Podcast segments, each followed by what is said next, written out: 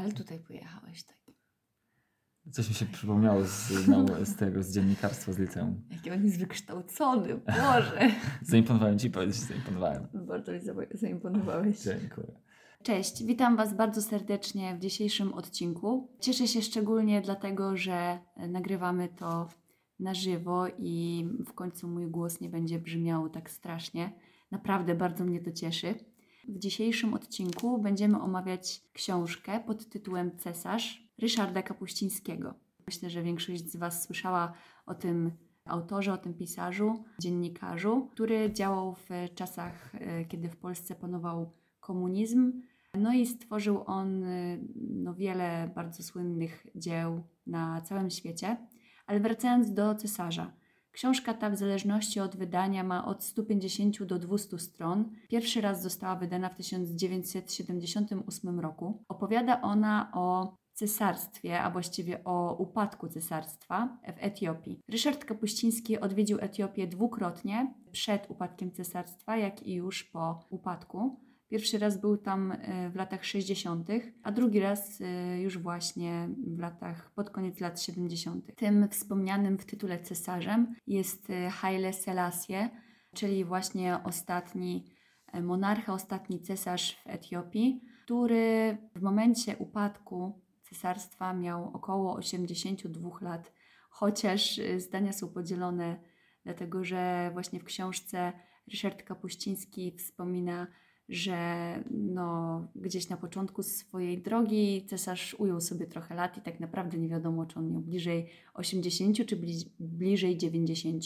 e, lat. Czyli generalnie książka e, opisuje, jak wyglądało tak pokrótce życie cesarza, opisuje jego dzień oraz e, właśnie upadek tej wielkiej monarchii. I może na samym początku trochę wspomnimy o tym, jak została przedstawiona Etiopia z tamtego okresu. Co możesz na ten temat powiedzieć, Mateuszu?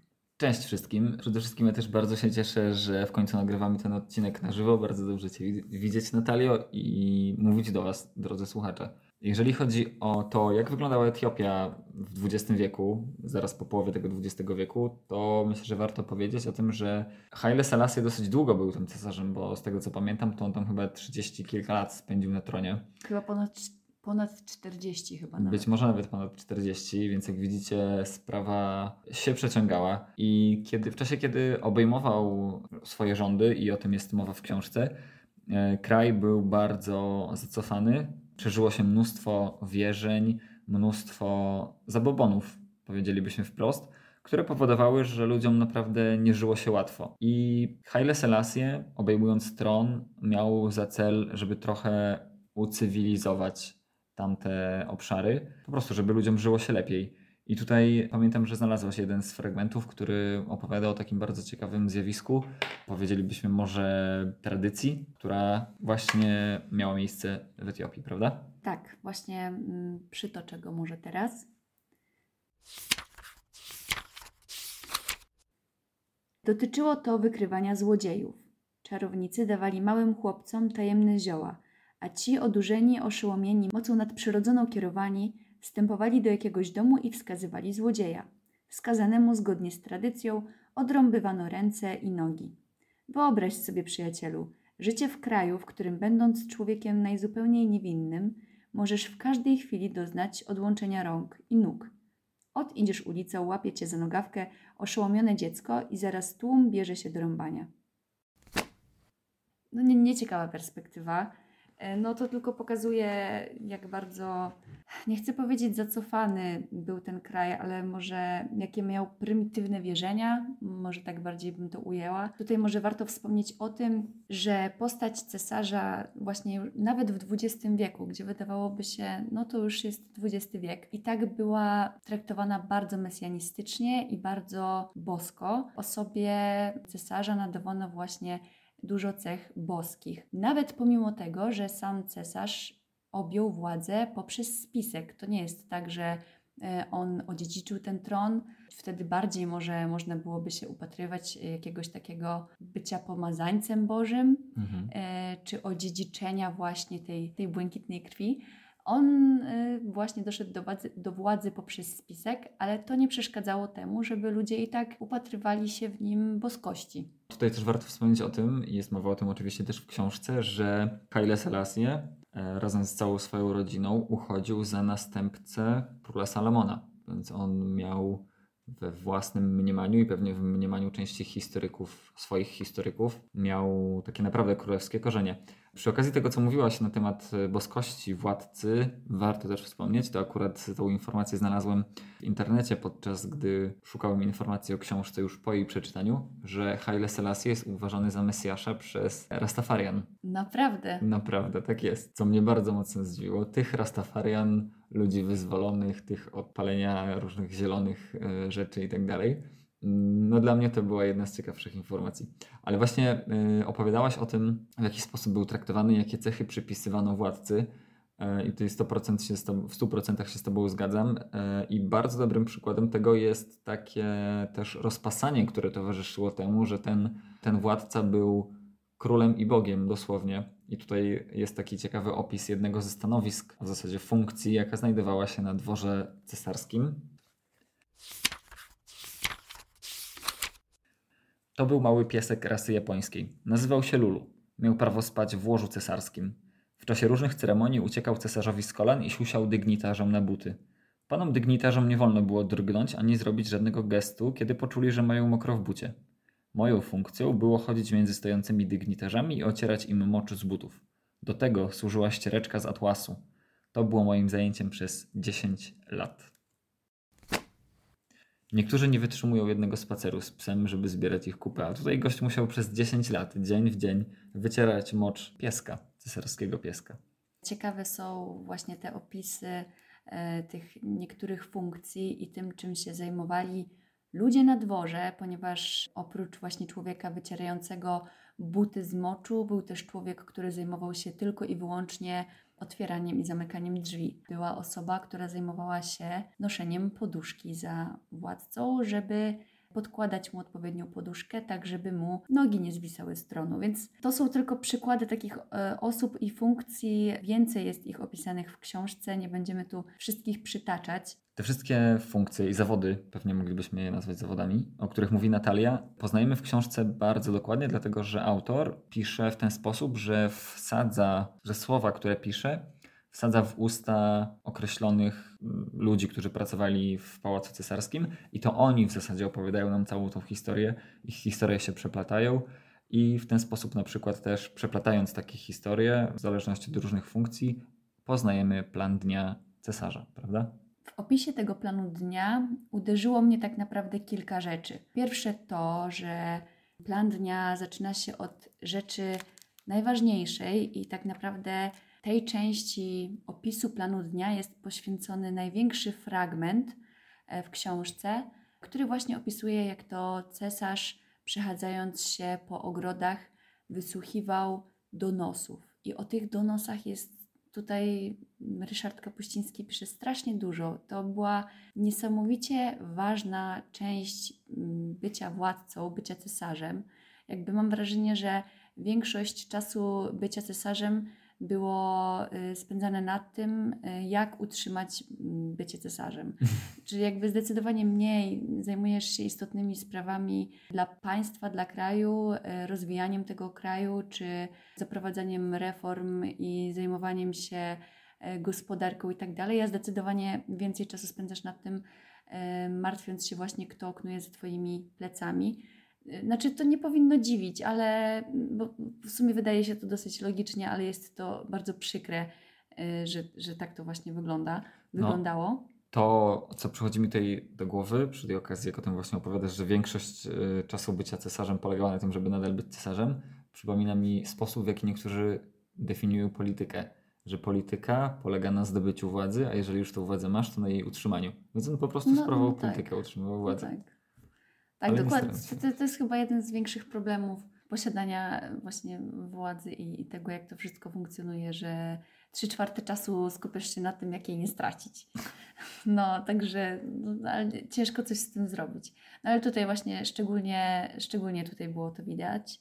Druga rzecz, która mnie jakby uderzyła, to było to, że tam były wyznaczone godziny, tam była na przykład um, czas dla ministrów, czas dla, dla, jakiejś, dla, dla wojska, czy coś mhm. takiego i tam na przykład było, że on miał tylko godzinę na to. To było dla mnie uderzające, jak on gada ze wszystkimi ministrami w ciągu przez godzinę i tam było, że tam oni się w, kolej, w kolejkach ustawiają, wszyscy chcą przeforsować jakieś swoje pomysły i, i dla mnie to jest nie, to jest po prostu nierealne chyba podjąć jakąkolwiek decyzję w ciągu godziny, yy, porozmawiać o najważniejszych sprawach w państwie. No i on to po prostu każdego dnia tam sobie jadł śniadanko, najpierw słuchał tych donosów, później tam godzina, godzina na gospodarkę, godzina na wojsko i państwo funkcjonuje. Bardzo mnie to ciekawi, jak to, jak to w ogóle wszystko działało. Nie Wydaje wiem. mi się, że też trochę kluczem do sukcesu jest to, w jaki sposób on w zasadzie przeprowadzał te rozmowy, albo w jaki sposób wysłuchiwał tych ludzi, bo nie wiem, czy pamiętasz te fragmenty, w których były opisane, że on w sumie odpowiadając ludziom, na przykład odpowiadając na ich prośby, skargi, czy jakiekolwiek tam wnioski, on tak sobie pomrukiwał, tak no, sobie tak. tam troszeczkę zawodził, troszeczkę nie do końca jasno i klarownie mówił, używał bardzo dużo takich decyzji, takich ogólników i kazał tą decyzję wykonać e, swojemu tam prawej tak. ręce czy komuś tu tam. Tu tak? musimy tak? dodać, że to nic z tych rzeczy nie było zapisywane. Tak, dlatego, to że jest władca był niepiśmienny. Tak, przynajmniej twierdzi autor. Tak, przynajmniej twierdzi autor, tak. I też władca nie, no, nie posługiwał się pismem, więc też nie umiał czytać, więc też wszystko to, co całą wiedzę, którą nabywał, to było jakby z ust innych ludzi. I tak jak mówi tutaj Mateusz, to, to nie jest y, na 100% prawda, dlatego że no, o zarzutach wobec tej książki powiemy może na końcu.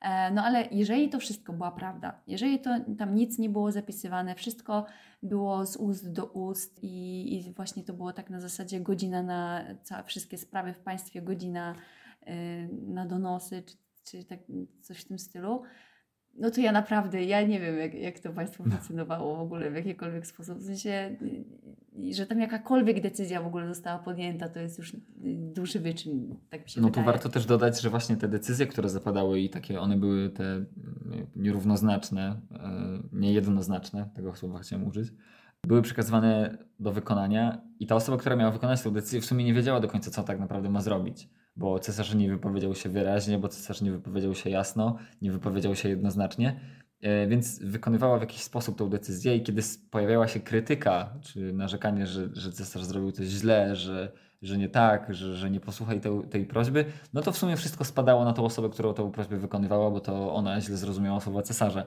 Więc e, jakby cesarz był poza wszelkimi podejrzeniami. Jego się nie krytykowało, za nic on był idealny, właśnie ten boski. I ludzie po prostu nie mieli wystarczająco dużo odwagi, żeby jakiekolwiek słowa krytyki skierować przeciwko cesarzowi.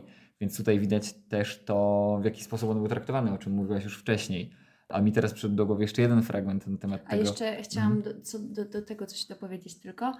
Tutaj no, muszę wspomnieć o tym, że Hitler czasami robił podobnie, nie? czyli on y, nie wziął, udział, nie wziął udziału w tej najważniejszej rozmowie o eksterminacji Żydów, nie było go tam. W konferencji w Wannsee. Tak, nie było go tam y, oficjalnie, znaczy oficjalnie, w ogóle go tam fizycznie nie było. No i tutaj właśnie się do, do dzisiaj pojawiają głosy według niektórych ludzi, że no, Hitler nie wiedział o Holokauście. I, I, mam wrażenie, że tutaj działa to na podobnej zasadzie, że nie no, przecież cesarz nie podjął żadnej złej decyzji. On, tak. przecież on wszystko dobrze powiedział. E, no i to jakby widać, że jest w tym szaleństwie jakaś metoda, bo tym ludziom dużo rzeczy rzeczywiście uchodziło na sucho. I rzeczywiście ktoś wierzył w to, że oni byli biedni, tacy nieświadomi niczego. No. Dokładnie. To, co trzeba oddać też cesarzowi i całemu, całemu pałacu cesarskiemu, to to, że oni naprawdę opływali w zbytki. W czasie, kiedy kraj głodował, i o czym powiemy trochę później, e, na dworze nie miało prawa zabraknąć niczego. I jest taki jeden bardzo ciekawy fragment, który oddaje stan tego rozpasania.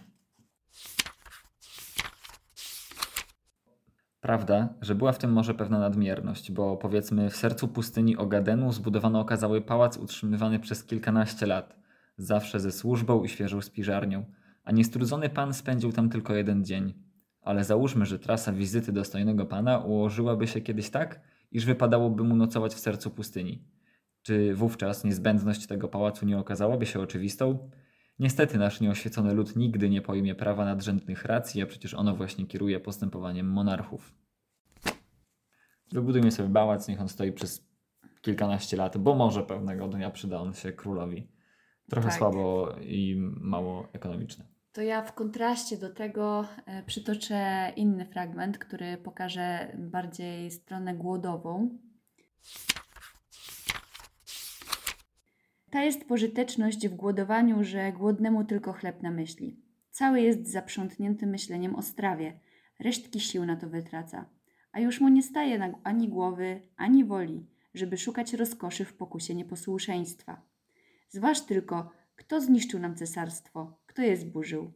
Ani ci, którzy mieli dużo, ani ci, którzy nie mieli nic, a jedynie ci, którzy mieli trochę. Tak, tak, trzeba zawsze wystrzegać się tych, którzy mają trochę, bo to najgorsza, najbardziej żądna siła, to oni naj, najgorliwiej prą do góry. Czyli klasa średnia winna wszystkiemu. Proszę Tak. bardzo, polska klasa średnia. Do broni. Tak trochę y, patrząc na, na plan wprowadzenia podatków, to, chy- to chyba, rzeczy, chyba podobne podejście ma obecna władza, że klasa średnia to woły pociągowe. Dokładnie, a swoją drogą, mm, woły pociągowe, swoją drogą e, mam też inne przemyślenie, dzisiaj miałem inne przemyślenie po skończeniu tej lektury, że tutaj w tym cesarstwie też było tak, że jeżeli ktoś, któryś z dygnitarzy wypowiedział się niezbyt przychylnie, albo było na niego za dużo skarg, za dużo donosów, to bez względu na to, jakie on miał osiągnięcia, co on robił, w jaki sposób przyczyniał się do rozwoju państwa. Był na przykład taki jeden z gubernatorów, powiedzielibyśmy, albo wojewodów, który z otrzymywanych łapówek budował szkoły. No i to w sumie było dobre, ale wszyscy się na to żalili, no bo jak to tak z łapówek budować szkoły, potem my też będziemy musieli, nasi ludzie też będą chcieli, żebyśmy budowali szkoły z łapówek, więc nie możemy tego robić. Ten gość został oczywiście przeniesiony do dużo słabszej prowincji, gdzie zostało mu zakazane to, żeby budować szkoły. Bo po prostu robił dobre rzeczy, ale był nieprawomyślny i jego działanie poszło niezgodnie z tym, co, czego życzyła sobie władza.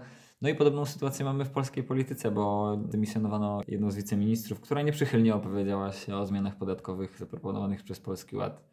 Po prostu powiedziała za dużo, za szczerze o tym, co myślała i straciła stołek. Co mamy w sumie troszeczkę cesarstwo w Polsce. Ale właśnie, przeczytałaś o biedzie i o podejściu do tego, w jaki sposób funkcjonowało państwo. I to w sumie było tragiczne, zgadza się. W książce są fragmenty mówiące o tym, że przed podróżą cesarza do określonej prowincji ta prowincja bardzo długo się przygotowywała. Możemy powiedzieć, że malowali trawę na zielono, żeby było ładniej. Właśnie, specjalnie się do tego przygotowali, ale tam, gdzie wzrok cesarza nie sięgał, tam panował brud, smród i ubóstwo. Zachodni korespondenci zaczęli to zauważać. Po iluś latach y, sprowadzono pomoc humanitarną, ale to też nie była taka pomoc, jakiej oczekiwaliby mieszkańcy Etiopii, dlatego że doszło do sytuacji, która powodowała, że cukier, zboża, które pojawiały się w kraju, zostały zatrzymywane przez hierarchów, przez y, ten cały e, establishment, e, magazynowane i podwajano ceny żywności, a nie wydawano tej żywności e, właśnie ubogim, głodującym, do których była ona skierowana. I to była jedna, jeden, jeden z powodów, aby wszcząć bunt przeciwko panującej władzy. Oczywiście drugim powodem były podatki.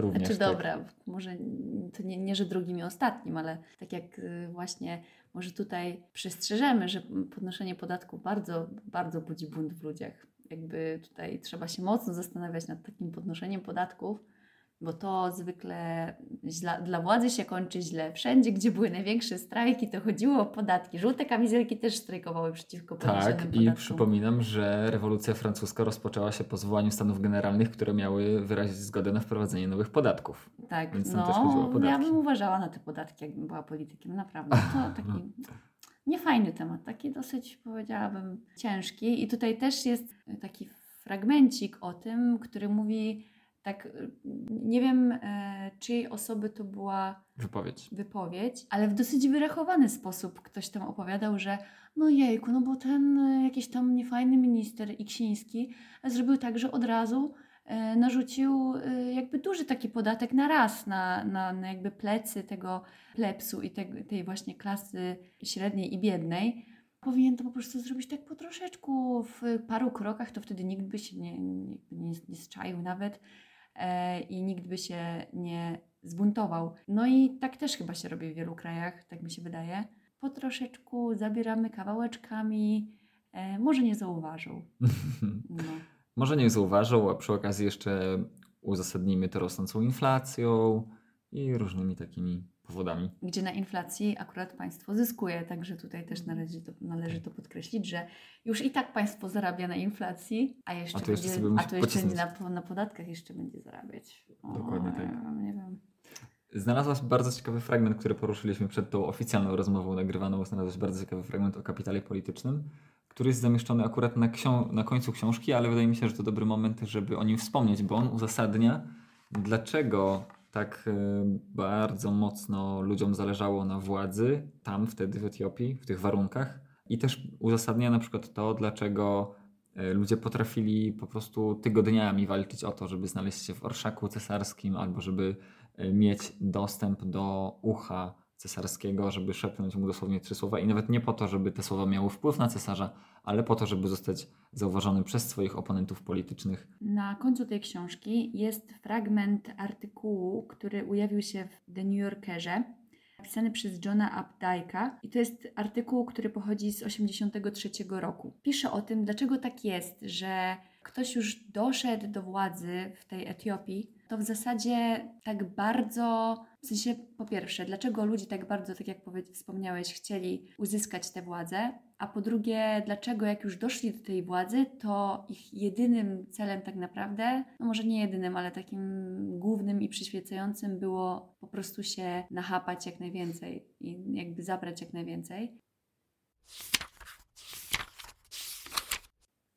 Etiopia różni się od większości krajów trzeciego świata tym, że od starożytnych czasów trwa na swoim skalistym płaskowyżu jako niepodległe państwo.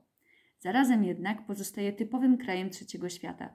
Z tej racji, że władza polityczna jest tam jedyną istotną formą akumulacji kapitału i w związku z tym stanowi główną ścieżkę bogactwa. Jak to celnie ujął Kapuściński, ludzi pałacu ogarnęło przerażenie, gdyż w kraju biednym, w którym źródłem namiętności nie jest pracowita wytwórczość, lecz nadzwyczajne przywileje, żaden dostojnik nie mógł mieć czystego sumienia.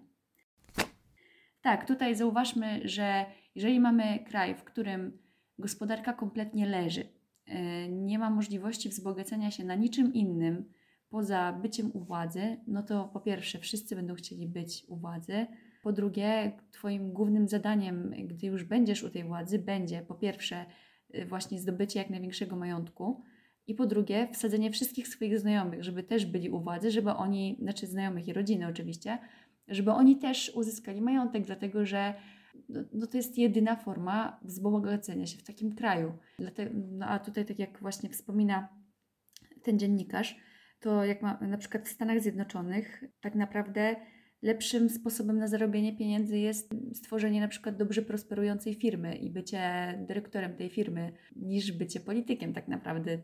Nie idzie się do polityki w Stanach Zjednoczonych po to, żeby zbyć, zbić majątek, tylko żeby zdobyć władzę.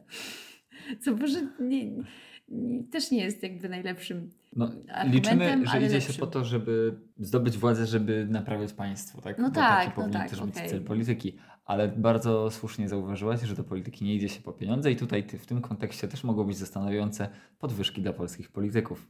Pozdrawiamy No tak. serdecznie całą polską scenę polityczną.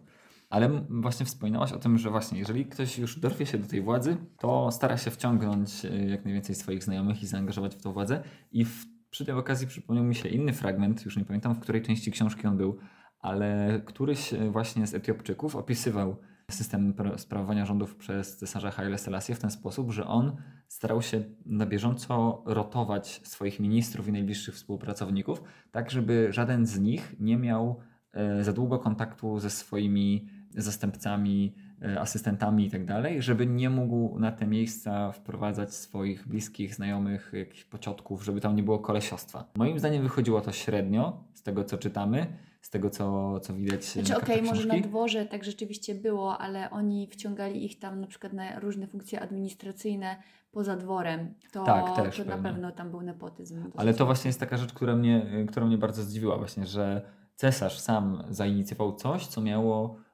negować i wykluczać całkowicie nepotyzm. Czy zrobił to pod publiczkę, czy zrobił to dlatego, że naprawdę uważał, że tak będzie lepiej, nie wiem, bo w sumie nie znamy jego myśli, w żaden sposób tutaj ich nie poznajemy, ale to bardzo ciekawe, y, ciekawe bardzo zjawisko. To też wynikało na pewno z tego, że on, to też to było dosyć często wspominane, lubił wciągać, wyciągać ludzi z absolutnej biedy i wprowadzać ich na dwory po to, żeby oni mu byli bezgranicznie oddani. Czyli on też y, właśnie chciał, żeby osoby, które znajdują się w jego najbliższym otoczeniu, wszystko co mają zawdzięczały w 100% jemu. Tak. Bardzo narcystyczne podejście do życia, no ale na pewno to jest jedna z tych rzeczy, która pozwoliła mu utrzymać władzę przez tak długi okres. A jeszcze wcześniej, jak wspominaliśmy o tym, że nie idzie się do polityki po to, żeby zarobić, to też czasem y, mam wrażenie, że w tych krajach, gdzie jakby, no właśnie, to jest taki zamysł, że to nie chodzi o to, żeby stać się milionerem idąc do polityki, y, też dochodzi do takich sytuacji, że właśnie mało ludzi chce iść do tej polityki. Ma, ma, jakby mam wrażenie, że mało Bo ludzi... lepsze zajęcia. Tak, dokładnie, że znam mnóstwo, w sensie nie chcę tutaj teraz mówić, że o Boże, bo, bo też oczywiście politycy to są często bardzo wykształceni ludzie y, z jakąś tam historią i tak dalej. Nie, nie chcę tutaj tak też y, strasznie tego negować, ale jednak... Mówisz no, to bez większego przekonania. ale umówmy się, że jak ja mam mnóstwo bardzo inteligentnych znajomych, myślę, że z dobrym pomysłem na, na wiele rzeczy, no to jakoś większość z nich się nie pcha do polityki. A szkoda. Może ktoś powinien. Jakby namawiajmy naszych znajomych, żeby szli do polityki. Idźcie do polityki. Mateusz, idź do polityki. Ja bym na ciebie głosowała. Dziękuję, wiem. Moja babcia już mi powiedziała, że głosowałaby na mnie, gdybym kandydował na prezydenta, więc mam już dwa głosy. Dziękuję bardzo. Resztę też oczywiście zachęcam do głosowania, ale na razie do polityki się nie wybieram. Niestety. No i właśnie widzicie, no jak, jak to wszystko ma funkcjonować. Musimy też poruszyć w tym odcinku podcastu taki temat, jakim jest y, stawianie dosyć sporo zarzutów wobec Ryszarda Kapuścińskiego, wobec jego twórczości, wobec jego reportaży, e, dlatego że często zarzuca mu się, że one są tak naprawdę mało reporterskie i mało dziennikarskie. Że te książki, oczywiście one są świetnie napisane, to się super czyta, bardzo dobre pióro, ale właśnie czasami nie wiadomo do końca, co jest prawdą, co jest fikcją literacką, co jest faktem. No i, i ciężko jakby to rozróżnić. Sam na przykład są fragmenty dosyć spore w tej książce, gdzie jest ona pisana wierszem. A jednocześnie y, te wy- wypowiedzi, jakby cała książka jest stworzona tak jakby z takich y, fragmentów wypowiedzi, gdzie na początku każdej wypowiedzi są podane inicjały autora tego fragmentu, w sensie osoby, która się wypowiada. No ale wiadomo, że raczej nikt wierszem nie mówi na co dzień. No chyba, że nazywa się Adam Mickiewicz albo już Słowacki. Tak, to mi, to mi właśnie Mateusz też zwrócił na to uwagę przy, wcześniej przed nagrywaniem, że no rzeczywiście nikt raczej wierszem nie mówi. I tutaj też przytoczymy taki fragment, żeby Wam pokazać o co chodzi. Wszelako jakże teraz do natury można było się zbliżać i od, i od sapki zażywać, skoro oficerowie nikogo z pałacu nie wypuszczali, a jeśli kto chyłkiem wymknął się do domu, tam na niego czyhali i do aresztu wpychali. A rzecz najgorsza, jaka z wspomnienionej gimnastyki wynikała, na tym polegała, że kiedy grupa dworzan w jakimś salonie się zebrała i tam rękami nogami machała, wnet spiskowcy wkraczali i do wszystkich i wszystkich do aresztu tu gnali. Dni policzone mają, a gimnastykę uprawiają, śmiali się oficerowie, do tak zuchwałego szyderstwa się posuwając. No, jakby brzmi to właśnie tak bardzo literacko, tak skocznie, wierszowo. Jakby powoduje, że stawia się to pytanie, na ile to jest y, fikcja, na ile to jest Wiele, wiele osób wystawia takie opinie właśnie Kapuścińskiemu i jego twórczości, zwłaszcza tej zawartej e, w Cesarzu czy w Szachinszachu, że on tak naprawdę mógł nigdy nie spotkać tych ludzi, których wypowiedzi zamieszcza w swoich książkach, a słyszał jedynie te historie jakby z drugiej ręki i zdecydował się je opisać. My nie znamy tego, mm, nigdzie nie, znalazłem, nie znamy prawdy na ten temat i nigdzie też nie znalazłem wypowiedzi autora, który stwierdziłby jednoznacznie, jakby podjąłby jakąkolwiek obronę, bo ta dyskusja wydaje mi się, że w głównej mierze pojawiła się po jego śmierci, że to są głównie właśnie jakieś powieści takie fabularne, a nie e, reportaże, dlatego że przypomnijmy, że istotą reportażu jest to, że opisuje się wydarzenia, których było się świadkiem, które miały miejsce, czy opisuje się relacje innych ludzi z tych wydarzeń. No ale właśnie wiarygodność to jest podstawa reportażu. W ogóle samo słowo reportaż jest od łacińskiego reporto, czyli donoszę, opisuję. I to jest clue tej właśnie dziedziny literackiej. Innym zarzutem, który podaje wiele osób pod adresem Kapuścińskiego jest to, że podróżował on głównie w latach, e, w latach polskiego PRL-u, e, Zatem miał bardzo dobre układy i był członkiem Polskiej Zjednoczonej Partii Robotniczej, PZPR-u, które to członkostwo pozwalało mu w tym, aby uzyskiwać paszport i podróżować do krajów takich jak e, właśnie Etiopia czy Angola, w której opisał wojnę futbolową, albo bardzo często podróżować po krajach Związku Radzieckiego i tam pisać z kolei Imperium, kolejną bardzo udaną jego książkę. Tak, ja dodam tutaj więcej, że bo ja czytałam też jego książkę Jeszcze Dzień Życia, gdzie on jakby, on się nawet nie ukrywa z tym, że pojechał tam e, napisać ten reportaż i on cały czas, jaki tam spędza, spędza z MPL-a, która stanowi jakby tę część komunistyczną, która walczy z FNL-a. Dlatego, że właśnie e, w tej książce jest opisywana wojna domowa w Angolii, która jest wspierana właśnie z jednej strony przez Amerykanów, a z drugiej strony przez jakby komunistów. E, no i oczywiście jakby Kapuściński spędzał cały czas e, w tej Angolii z komunistami, jakby z ich perspektywy bardziej opisuje e, całą tę wojnę, no i też bardziej jakby się krytycznie wypowiada wobec FNL-a.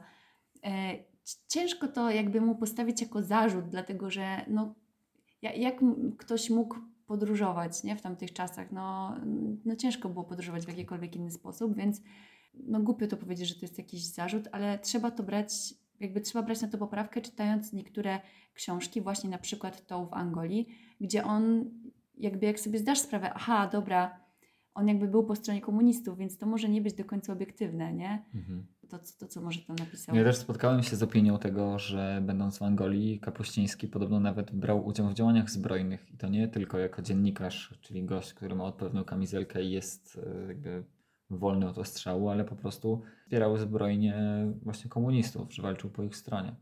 Takie zarzuty też się pojawiają. Więc tutaj jaka jest prawda też nie wiem, nie było mnie tam e, i nie czytałem żadnych takich bardzo wiarygodnych relacji na ten temat, a sam autor mam wrażenie, że też nigdy się na ten temat nie wypowiadał, więc trudno nam to zweryfikować. Tak czy inaczej, wiemy, że pozostaje on autorem, który jest autorytetem dla wielu z pewnością. Na przykład Elżbieta Dzikowska zapytano o autorytety w swoim życiu kilka dni temu podczas 27. festiwalu Poland Rock. Odpowiedziała, że właśnie Ryszard Kapuściński jest jednym z jej autorytetów, więc to bardzo dobrze o nim świadczy i o tym, że nadal ma duży posłuch jest czytywany współcześnie.